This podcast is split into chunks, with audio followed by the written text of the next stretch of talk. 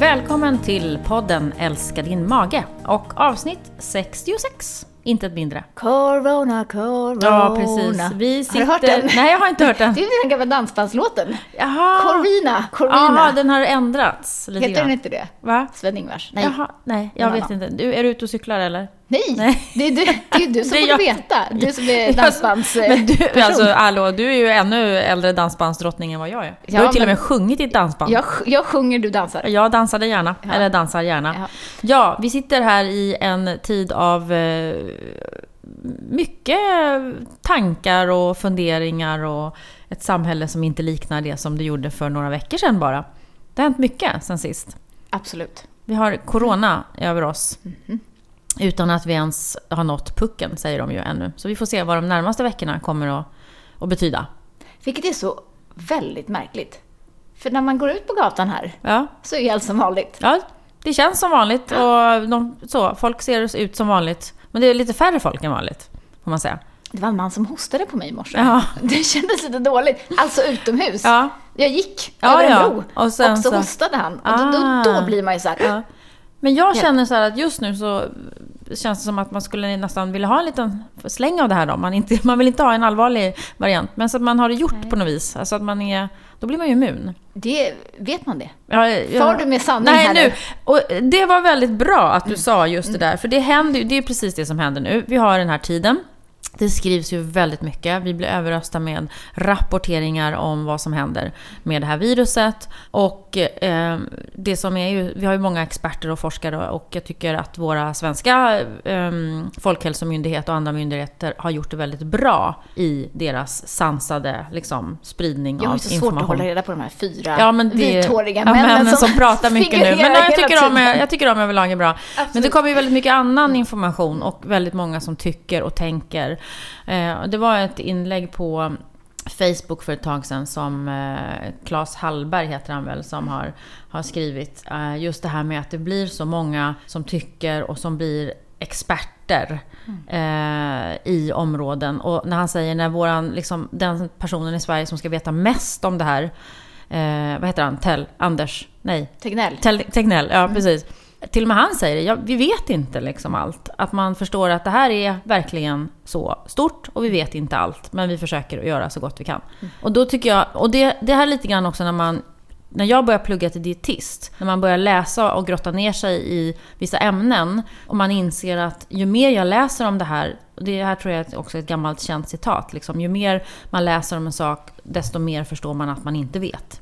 För att Absolut. det är så lätt när man bara vet lite om en sak. Då är det så lätt att vara så jäkla klok och tycka och tänka en massa saker. För man förstår inte hela komplexiteten i till exempel det här Nej, det är problemet. som, Eller eh, om kosten till exempel. Det är så lätt att tycka att det här, så här är jättebra och så här ska vi göra. För man, man vet inte, man förstår inte hela, man har inte hela bilden. Nej, och det, det är ju ingen som har tid eller ork att få hela bilden idag. När man ser en rubrik, att hon säger det här. Och sen så är vi ju väldigt duktiga på att liksom göra om lite, lägga till.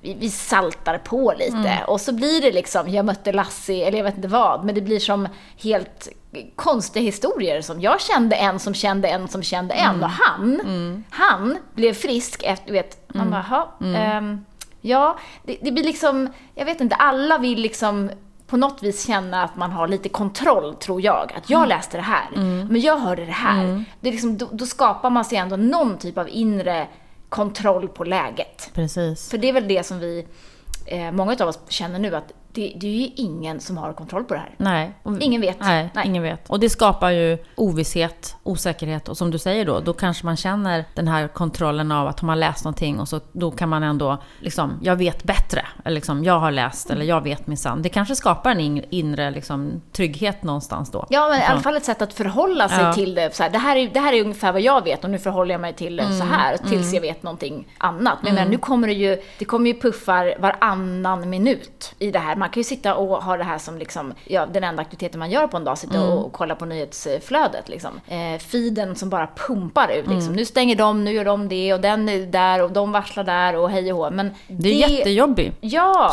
period. Och vår hjärna blir, liksom, mm. går ju lite grann igång på det här negativa som vi ju vet att vi alltid har gjort sedan urminnes tider. Liksom. Ja, vi är ju eh. skapade för att känna en liten ängslan och oro eh, för att det är sättet vi överlevde på. Mm. De som gick och lallade där på steppen, de överlevde inte så länge. Utan det är ju en sån, ett driv hos oss att kunna känna det. Och nu när vi ändå pratar om det här, då tänker jag att vi ska komma in lite grann på det här med, med ångest och rädsla. Jag har en eh, psykologkompis i Danmark som la ut på Facebook. Hon har börjat lägga ut små videor här varje dag, för det blev så himla populärt den första hon gjorde. Den första hon hade här om dagen, då beskrev hon skillnaden på ångest och rädsla. Jag tyckte det var lite intressant. Ibland är det bara så härligt när man liksom bara får satt ord eller får någon modell att gå efter när man, när man pratar om saker. Och just det här med att vi, vi säger ju väldigt ofta, det har ju du också pratat om, det här med att ja, men jag får ångest och jag får sån ångest för det här och jag fick ångest. Det blir sånt ord som vi använder väldigt ofta. Och hon förklarar då, men ångest är ju någonting som är drivet fram av vårt sinne och av vår fysik. Det är liksom mera tankar som snurrar runt och rädslor som vi skapar och, och liksom ja, psykologiskt att det, det, finns där, att vi, vi, vi, har ångest. Och såklart om man har eh, psykisk sjukdom eller andra liksom allvarliga tillstånd att man kan känna ångest. Men, men det är mera att, att det, går liksom, det snurrar runt. Mm. Det skapas av oss själva på något vis. Antingen i vårt sinne eller genom vår fysik. Mm. Men, men rädsla däremot, det är liksom mera konkret. Att det är någonting som vi kan förhålla oss till. Att det, det är något vi faktiskt kan vara rädda för. Till exempel ett virus då. Och då menar hon att om man liksom kan skilja lite på det där och så kan man säga att ja, men jag, det här är jag rädd för. Jag är rädd för det här viruset. För någonting som du är rädd för, det kan du också eh, förhålla dig till. Då kan du säga okej, okay, jag är rädd för att bli smittad. Då kommer jag göra så här. Jag kommer att jobba hemifrån. Jag kommer att tvätta mina händer väldigt noga. Eh, jag kommer att, och vad, nu, vad det är för åtgärder man tar. Då har man liksom en liten actionplan på det. Och då kan det liksom bli lite lättare att, att förhålla sig till den där. Och också när ångesten då pratar, då kan man liksom försöka skruva över den på och säga, ja, men jag, jag, känner de här känslorna men nu ska jag försöka, liksom, det här är faktiskt, jag kan göra någonting åt det här. Liksom. I alla fall det här med viruset eller någonting annat då som kommer som faktiskt kan vara en konkret rädsla. Och sitter man med ångest kan man ju också bara försöka jobba med den här att bara okej, okay, jag hör mina tankar, jag märker att mitt hjärta slår lite fortare. Mm, det är så det är och det här är, det är liksom det är min ångest. Jag behöver bara kanske mer försöka betrakta den och se om jag kan få den att lugna ner sig och, och försvinna igen då.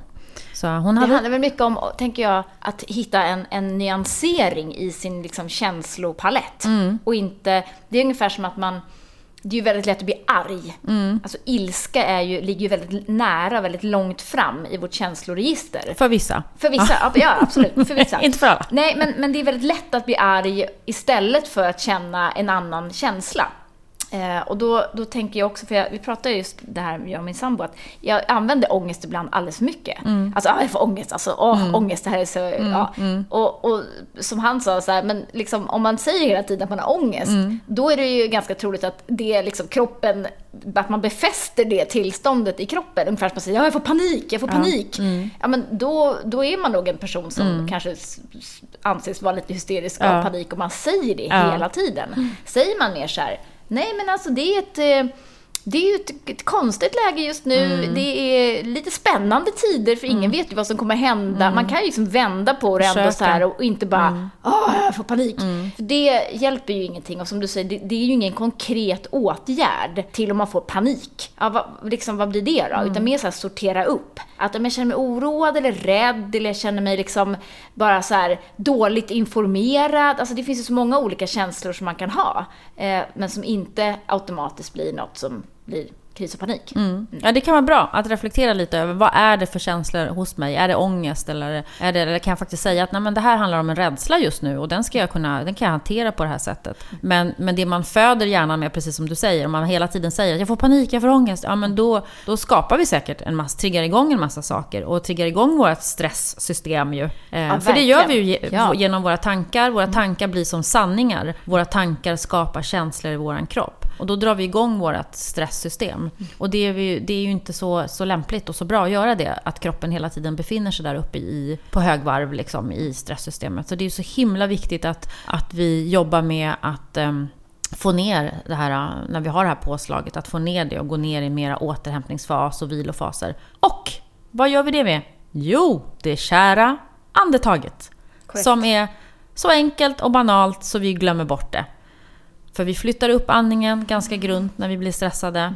Men om vi då kan jobba med andningsövningar som drar ner andetaget, ner i magen, djupa långa andetag. Vi har ju det i vår eh, kurs, i vår app, i vårt program. Eh, mycket yoga handlar ju om långa djupa andetag. Man kan slå upp på, på Youtube, hitta eh, små sessioner där man kan bli pratad igenom att lära sig sådana andetag, meditationsappar. Och det är ju helt fantastisk åtgärd att eh, djupandas. För då signalerar man ju genom bland annat vagusnerven som vi har, den här stora kommunikatören i kroppen att det är lugnt, du kan ta det lugnt. Och då börjar hjärnan att känna det och förstå det och då skickar ju den ut liksom mindre stresshormoner i kroppen och blodtrycket sjunker och pulsen går ner och så vidare.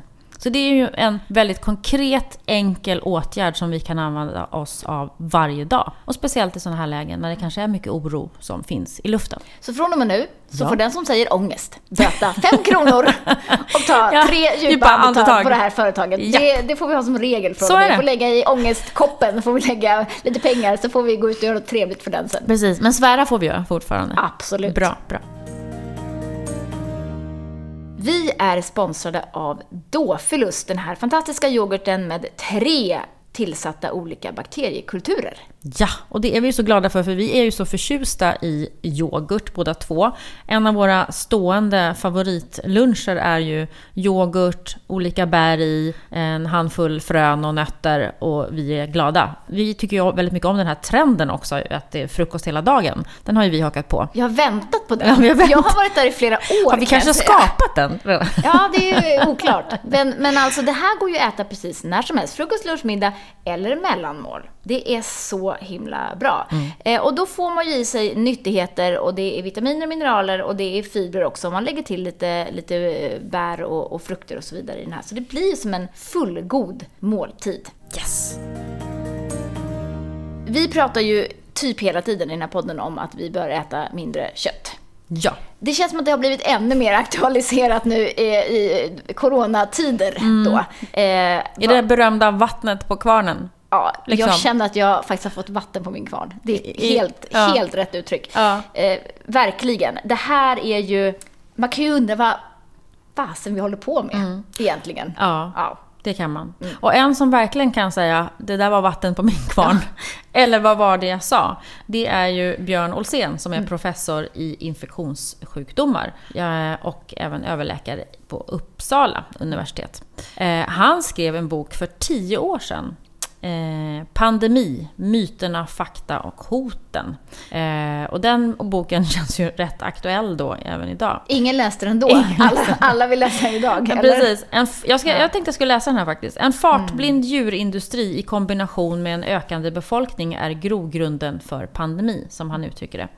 Och eh, frågan är inte om en ny pandemi slår till, utan när. Ja, för det var egentligen det som jag tänkte på, alltså som mina tankar har gått mest på nu. Mm. Inte så rädd att bli sjuk av det här. Men, vad är det som kommer nästa gång? Ja. Är det ett virus som har liksom 50% dödlighet? Exakt. Den är ju Den är ingen kul. lite jobbig. Det, det kan ju dra igång då sådana mm. typiska negativa tankar. Katastrofscenarier. Ja, absolut.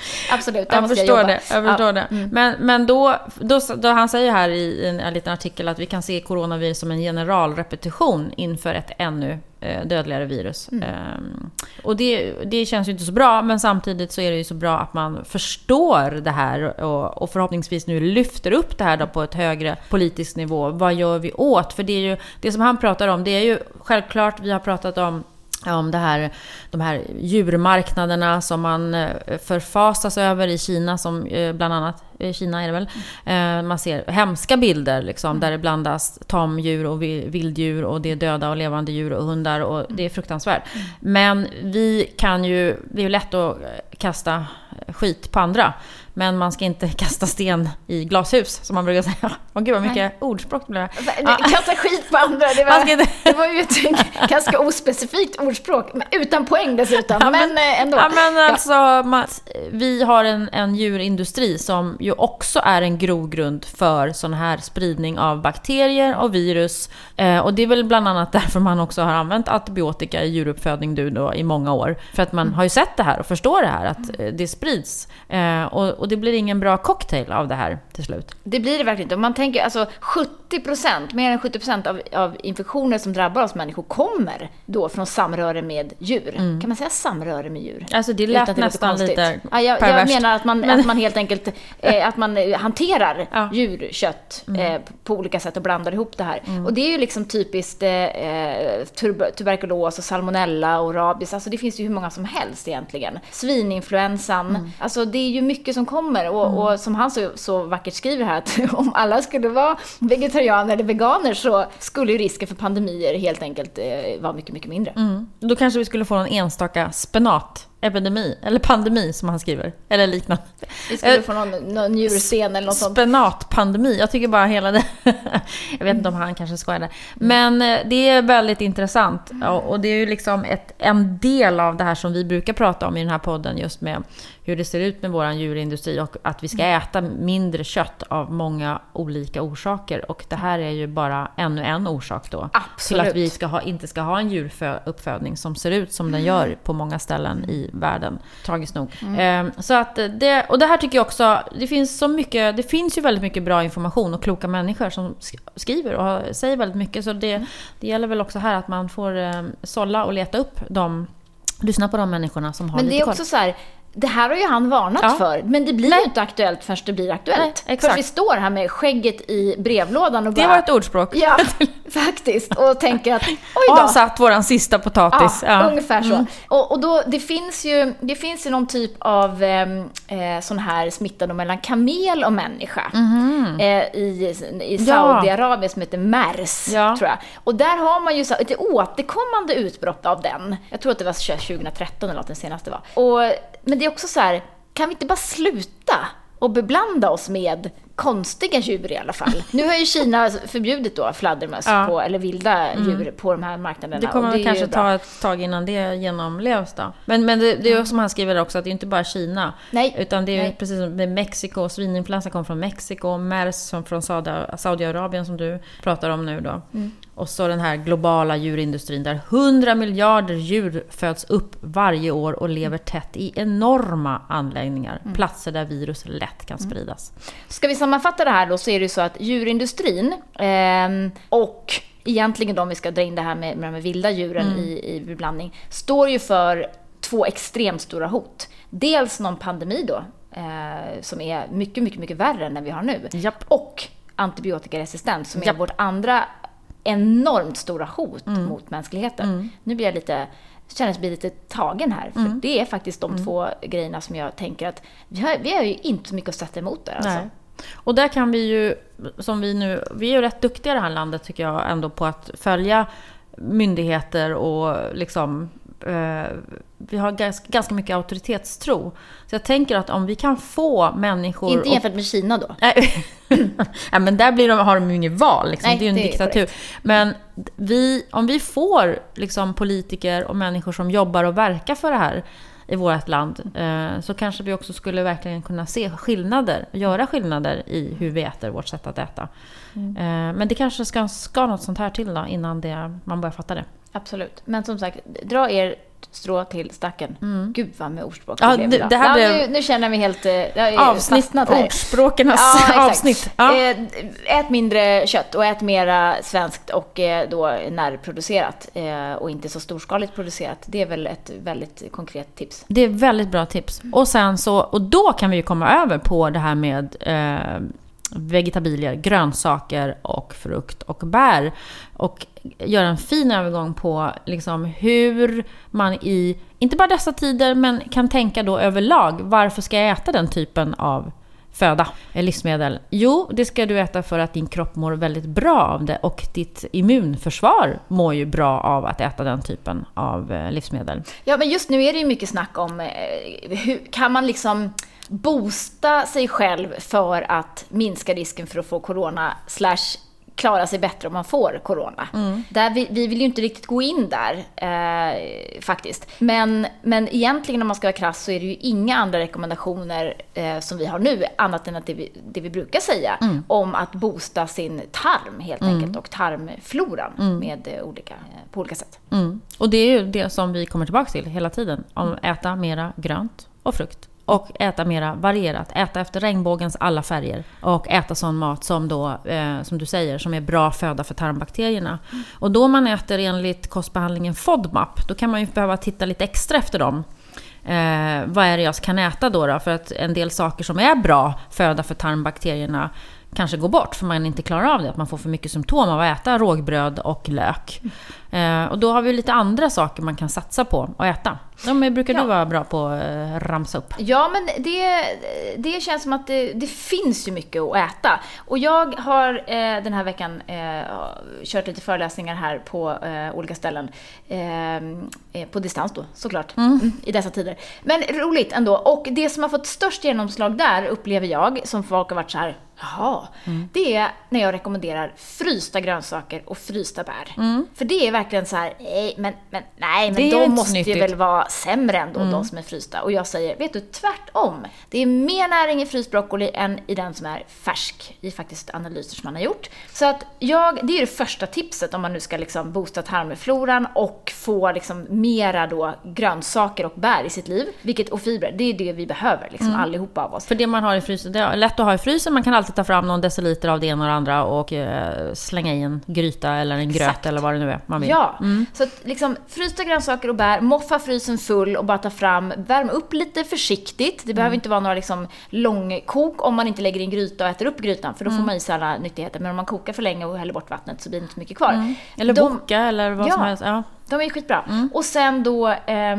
de här konserverade eh, linserna och svarta bönorna som ju jag har hela mitt skafferi fullt. Och det mm. var, vill jag säga, innan corona också. Jag har mm. inte preppat har... Eh, extra för detta. Jag har inte Nej. tagit någon annan svarta bönor i butiken. Nej. Men, men alltså det är ju, ehm, det är mina absoluta favoriter. Mm. De är inte så de smakfulla, men de fyller en funktion när man Ja, liksom, och just de där kan fylla ut. Om man gör en köttfärssås eller en vegetarisk kornsås. Mm. Alltså fylla ut med de linser och bönor man kan och i soppor och i grytor. Mm. Det är verkligen bra utfyllnad fyllnad och eh, billig mat också. Absolut. Sen har vi också andra bra eh, prebiotiska låg FODMAP livsmedel. Havre ska vi inte glömma.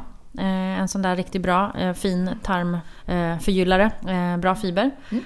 Även surdegsbröd, de flesta klarar ju av ett dinkelsurdegsbröd men man kan också experimentera med annat och, och se om man klarar av det. Nötter och frön som också är källor till bra andra saker. Mm. Som vi ska prata om strax. Mm. Eh, vad har vi mer? Vi har ju kiwi. kiwi. Fantastiskt. Och sen har vi förstås alla liksom, rotfrukter och alla de kolsorterna som funkar. Så, mm. så det finns ju liksom mycket att, att boosta med då, om man vill kalla det så. Absolut. Eh, och sen bären som du var inne på. Eh, och förstås de grönsaker, eller frukter och, som går också med låg form med kiwi. Ja, kiwi var du inne på, apelsin, blåbär, hallon, jordgubbar. Vad har vi mer? Den gröna bananen. Typer, den gröna bananen, mm. om man kan äta det. Mm. Eh, så det finns ju en hel del att ta av. Absolut. Och ett par frukter om dagen och eh, en näve grönsaker till lunch och middag är ju bra att sikta på. Mm. Eh, det, är, det, det, kan liksom inte bli för mycket. Nej. Nej. Det går det, inte. Ibland får jag frågan, hur, kan man äta för mycket fibrer? Nej, om man äter rätt sort mm. så kan det liksom inte bli för mycket. Nej. Och äter man liksom genom grönsaker, även de grövre grönsakerna, det är väldigt svårt att det blir den mängden. Eh, alltså det, det, ska väldigt mycket grönsaker till för att komma upp i den fibermängden. Det är ju mer när man äter såna här produkter som är tillsatt fibrer eller grovt rågbröd eller sådana saker. Då kommer man upp i ganska stora fibermängder. Och vissa av dem kan, kan vara extra jobbiga då, för magen också. Mm. Eh, eller om man hittar en müsli som det är tillsatt eh, sådana här extra fibrer i, som det är ibland, eh, som ger en bubblig mage. Verkligen. Moffa frysen full och ät så mycket ni orkar. Vi har några spaningar här då, i, i, faktiskt i coronatider eh, och eh, lite studier som har kommit och då vill vi ju gärna vara väldigt tydliga med att vi sitter ju inte och rekommenderar hur man ska göra för att undvika att få corona. Nej. Det, det, Nej. det finns inget sånt än så länge, för det är så nytt. Eh, och det är väldigt, väldigt många som tror sig kunna dra slutsatser av små studier. Men det har ändå kommit lite så här eh, indikationer. Intressanta saker Ja. också tycker jag. Att man, det är alltid också så intressant just när man, när man kopplar ihop kanske mat och näring och tarmbakterier med ja, vår hälsa återigen. Då, då. Eh, och det var en här som en dietistkollega lyfte. Eh, det var en artikel som just handlade om zink och corona faktiskt. Eh, och där hade man tittat på att eh, zink verkar spela en roll för att försvåra för coronaviruset att föröka sig i cellerna. Den har någon form av hämmande effekt eh, som är centralt för den här processen då i cellerna. Och därför har man då eh, pratat om här att zinkbrist därför kan vara, eller kan leda till att man blir mera sjuk. Så hennes lilla konklusion var på det att allt man hör här nu då, folk som boostar med C-vitamin, de skulle kanske vara, ha större nytta av att försäkra sig att man har ett eh, adekvat intag av zink just. Eh, Så det är bara lite intressanta sådana här saker som kommer upp, tycker vi, som vi vill lyfta. Absolut. Och Eh. zink är ju... Zink finns ju i mycket animaliska produkter. Ja. Så ska vi liksom vara trogna oss själva här nu och i... Precis, hur kommer vi ur den här knipan? Ja, ehm, det här med nötkött och griskött etc. De är ju väldigt eh, zinkrika. Mm. Det finns ju ändå då, eh, för den som gillar ostron, utmärkt zinkkälla. Rätt jobbigt dock om man har en känslig mage. Ja, Ostron brukar om, ju, tenderar ju att bubbla till i magen. i om det är ett dåligt ostron. Ja, Mm. faktiskt. Så det kan man vara lite försiktig med. Men däremot så, så ser vi ju här att eh, de flesta fröna, sesam och pumpafrön, eh, vi har också jordnötter, pekannötter, paranötter, eh, råris, ehm, Korn korn ja, Ja. precis. hade också Mm. ett... eh, Och sen är det ju liksom... Ja, det här med att äta någon, någon liten köttbit då och då. Eh, tänker vi. Eh, Mm. Inte är väl det farligaste man kan göra här i livet förmodligen. Men eh, det, är inte, det, är ju, det är ju bra om man kan hitta de här mera eh, vegetabiliska källorna, tycker jag. Verkligen, Mm. verkligen. Eh, men zink kan man ju då, eh, tycker jag, försöka fokusera på via eh, kosten Mm. så mycket man kan. Eh, sen finns det ju säkert de som tar zinktillskott redan idag. Och det är ju, zink har ju en, en, någon form av läkande eh, effekt. Eh, så att det är väl inte fel. Men, men vi förespråkar ju ändå att göra det man kan först och främst med kosten. Det är ju alltid eh, mindre risk att överdosera eh, när man äter, eh, får i sig det här via kosten. Och Precis. att ta det här enstaka eh, kosttillskott, alltså med hög dosering av vissa eh, näringsämnen, det ser man ju, det är inte helt lätt faktiskt att få rätt. Nej. Så att kör en liten zinkboost. Och sen har vi ju då en annan studie här från från Kina faktiskt. Eh, där man då har tittat på, alltså det här är ju väldigt komplicerat, så kan man säga. Det är ju knappt att vi kan greppa vad det här handlar om egentligen. Men man har då sett att ehm, eh, de som drabbas ehm, av, eh, av covid-19, och då, då är det alltså de som har ganska allvarlig eh, infektion av det här viruset. Ehm, då, eh, som har har man sett en koppling då med eh, luftväg. Man, man pratar om något som heter gut-lung ehm, eh, cross eh. Alltså att mikrobiota, på något vis så kan tarmens mikrobiota eh, påverka då eh, lungorna. Mm. Vi brukar ju prata om gut-brain axis, att de pratar ihop har vi mer och mer förstått. Men här pratar man alltså att det händer saker i, i ehm, luft, eh, vad säger man, lung... Ja, men luftvägar och... Ja, ja, precis. De som får eh, liksom djupa... Det är väl det som är problemet med corona, att när det går ner i lungorna så, så får många en väldigt eh, kraftig infektion och, och blir väldigt dåliga. Får andningsproblem helt enkelt. Eh, så det som man ser här då, det är ju att Eh, Kinas då National Health Commission eh, på, har gått in då och i sina riktlinjer eh, rekommenderat då patienter med, eh, med allvarlig covid-19-infektion att man då ska använda probiotika eh, som en del av behandlingen. Alltså då tänker jag mig att de har någon typ av verktyg verktygslåda. där. Förmodligen. Ja. Mm. Eh, så de har liksom uppmärksammat och liksom ändå accepterat på något vis att det kan ändå vara bra för de här patienterna att i grunden ha en mikrobiota i balans. För att göra då eh, den här sjukdomens förlopp så lindrigt som möjligt. Det här är dock en, en, en, alltså det är en studie. Men, men som sagt, det är inte helt, liksom, det vore inte helt otippat att man kanske faktiskt klarar sig bättre om man har, och det gäller ju alla sjukdomar. Ja, det har vi ju sett på, senast här med med antibiotikaanvändning på patienter innan de får cellgifter så, så har cellgifterna sämre effekt. Mm. För man har avdödat en, en, massa, oj, en massa bakterier i, i tarmen. Eh, så det är ju det är inget, inget nytt. Nej, men jag tycker det som är positivt också om, man, om det börjar komma sådana här studier och konklusioner, det är ju just det där återigen att man, man förstår att kroppen hänger ihop och att, att tarmbakterierna är väldigt viktiga eh, för andra. Att förebygga eller lindra eller behålla vår hälsa. Just det. Mm. Och, och att tarmbakterierna på något vis också kan mig- migrera runt i det här systemet och Mm. röra sig till de platser där de kanske behövs. Det har man ju sett tidigare också. Eh, som sagt, det här är ju otroligt intressant forskning. Eh, och det, det, det ger ju oss bara faktiskt vatten på vår kvarn ännu mer. Den Att- berömda Ja, kvarnen. den berömda kvarnen är eh, bevattnad och... Eh, Och därmed, och därmed dessa så- ord kan vi avsluta detta avsnitt. Ja, Och så ser vi vad händer. Vi vet inte. Om 14 dagar så får, har vi ett annat läge. precis. Så får vi se vad vi pratar om Jag då. tror att det blir bättre. Det kommer att bli bättre. Det kommer bli mycket bättre. Mm. Och alla ni där ute kommer nu att gå och köpa mängder med frysta grönsaker och frysta bär. Och Hålla äta ekonomin tills igång, om inte annat på det sättet. Ja, precis. Det, det är också viktigt att vi faktiskt stöttar eh, Men alltså, och färska grönsaker får man ju också köpa. Absolut, i säsong. Ja, i Kan säsong. man ju, kan Ja, man det kan man lägga till. Ja, visst, Bra. det är ju ekonomiskt och bra. Och så stöttar man eh, bönderna i närheten då. Det är bra. Nu är det dags för våran yoghurt och bär och müsli-lunch. Det Även om det inte är är- sommar så kan vi låtsas att det är det nu. Så tar vi en sån. Absolut, Ja. utan kött. Vi eh, tackar så hemskt mycket för idag och eh, ber er att eh, besöka be- bellybalance.se Mm. såklart för att läsa mer om våran eh, behandling och gärna ladda ner vår app som heter Belly Balance och där kan man lyssna på oss i de fyra första stegen gratis om man känner för att testa på lite och kolla vad det här är. Absolut. Mm. Och sen utöver det så ber vi er om att ta hand om er, Ja. ta hand om varandra Mm. och djupandas. Och djupandas. Och så tackar vi Mag och tarmförbundet naturligtvis som är ständig sponsor av den här podden. Tills nästa, nästa, nästa vecka då. Adjö. Ha det bra!